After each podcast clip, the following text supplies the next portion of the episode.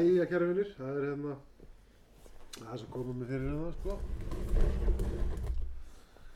Sko, plani er núna það er annað sísón í Biblía 101 og svona hinga til hef ég svona verið að taka á svona bara svona hinn og þessu sem að Guður lagt mér á hjarta.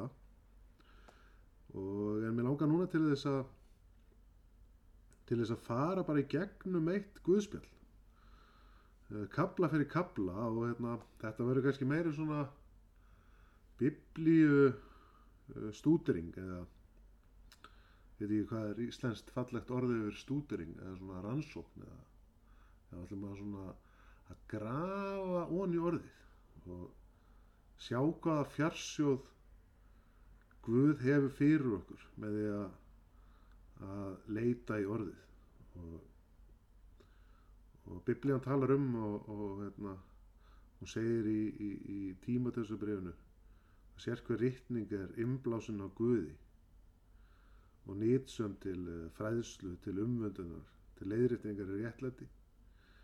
Og líka eins og Páll talar, talar um að, að Guð hafi ofinbyrðu honum fyrir sinn heilagan anda hver Jésús Kristur er og, og, og fagnar erindið og það er gott að, að þekkja Guð með því að lesa í orðinu því að orðið er innblásið af Guði. Og, og við getum fengið ofinberðanir með því að lesa orðið. Og þannig verður orðið lifandi í hjartan okkar. Og verður Jésu og heila randi einhvern veginn það getur fundið svona í andarsinu hvernig það kipist við og verður maður að fara skilning á einhverju einhverju stórkostlið og það var fyrir einhverjum árum að hérna, drottningin í, í Breitlandi hún átti ammæli og, og það var einhver sem færði henni stærstu gjöf sem heimurinn hefur fengið. Og það sem hún fekk það var orguðs, það var biblían. Og biblían er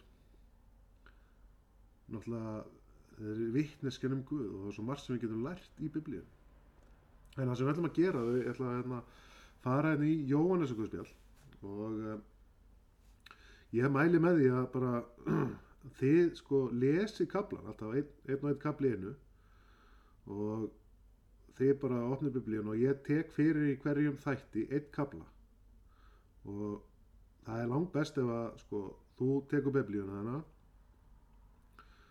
býður heilagan anda velkomin ekki þessu bara velkomin heilarandi fadir fyndu mig elskaði sonu Guðs, Jésús Kristur.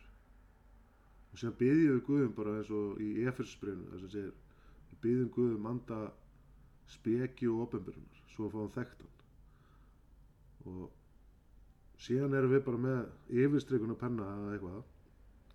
Og við lesum kaplan og strykum yfir það sem að svona, tala til okkar. Og síðan eru við líka með svona skrifbók og, og ég hafði skrifum eitthvað hjá okkur svona skrifum hjá okkur eins og dagbók. Og þegar við erum búin að þessu þá hlustu við á það sem ég hef að segja.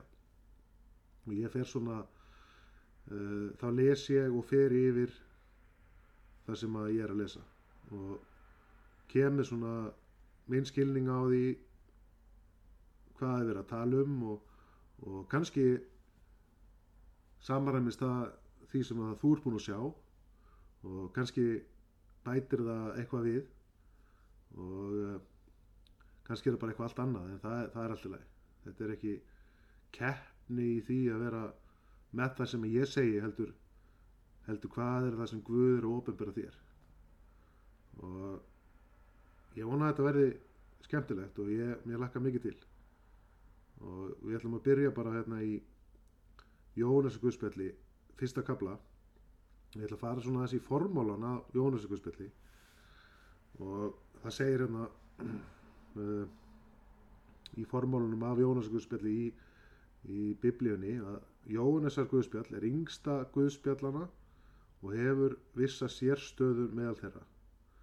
Það er skilt öðrum Jóhannesar rítum í Nýja testamentinu Jóhannesar brefunum og ofinberunabókinni Guðspjalli hefst á þeim bóðskap að Jésús sé logos, því skapandi orguðs, hans eilifa hugsun og speki í heiminn komin sem maður, hold.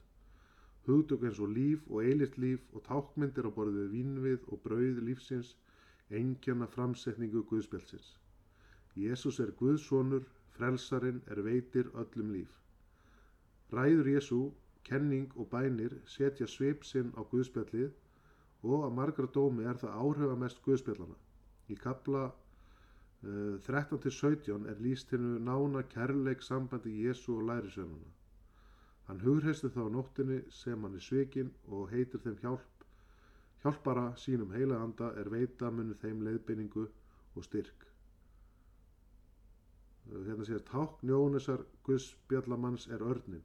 Ég veit ekki hvernig það er komið en, en við vitum það að, að sem sagt Jóhannes þetta er læri sveitn Jésu sem hann skrifar þetta Guðspjall. Og eh, já, bara mér laka til að fara í þetta og hérna og vonandi verið þið spennt með með biblíuna fyrir framann ykkur blað og blíjant eða penna. Og eh, Guð ofinberrar sannleika okkur til handa. Í Jésu nafni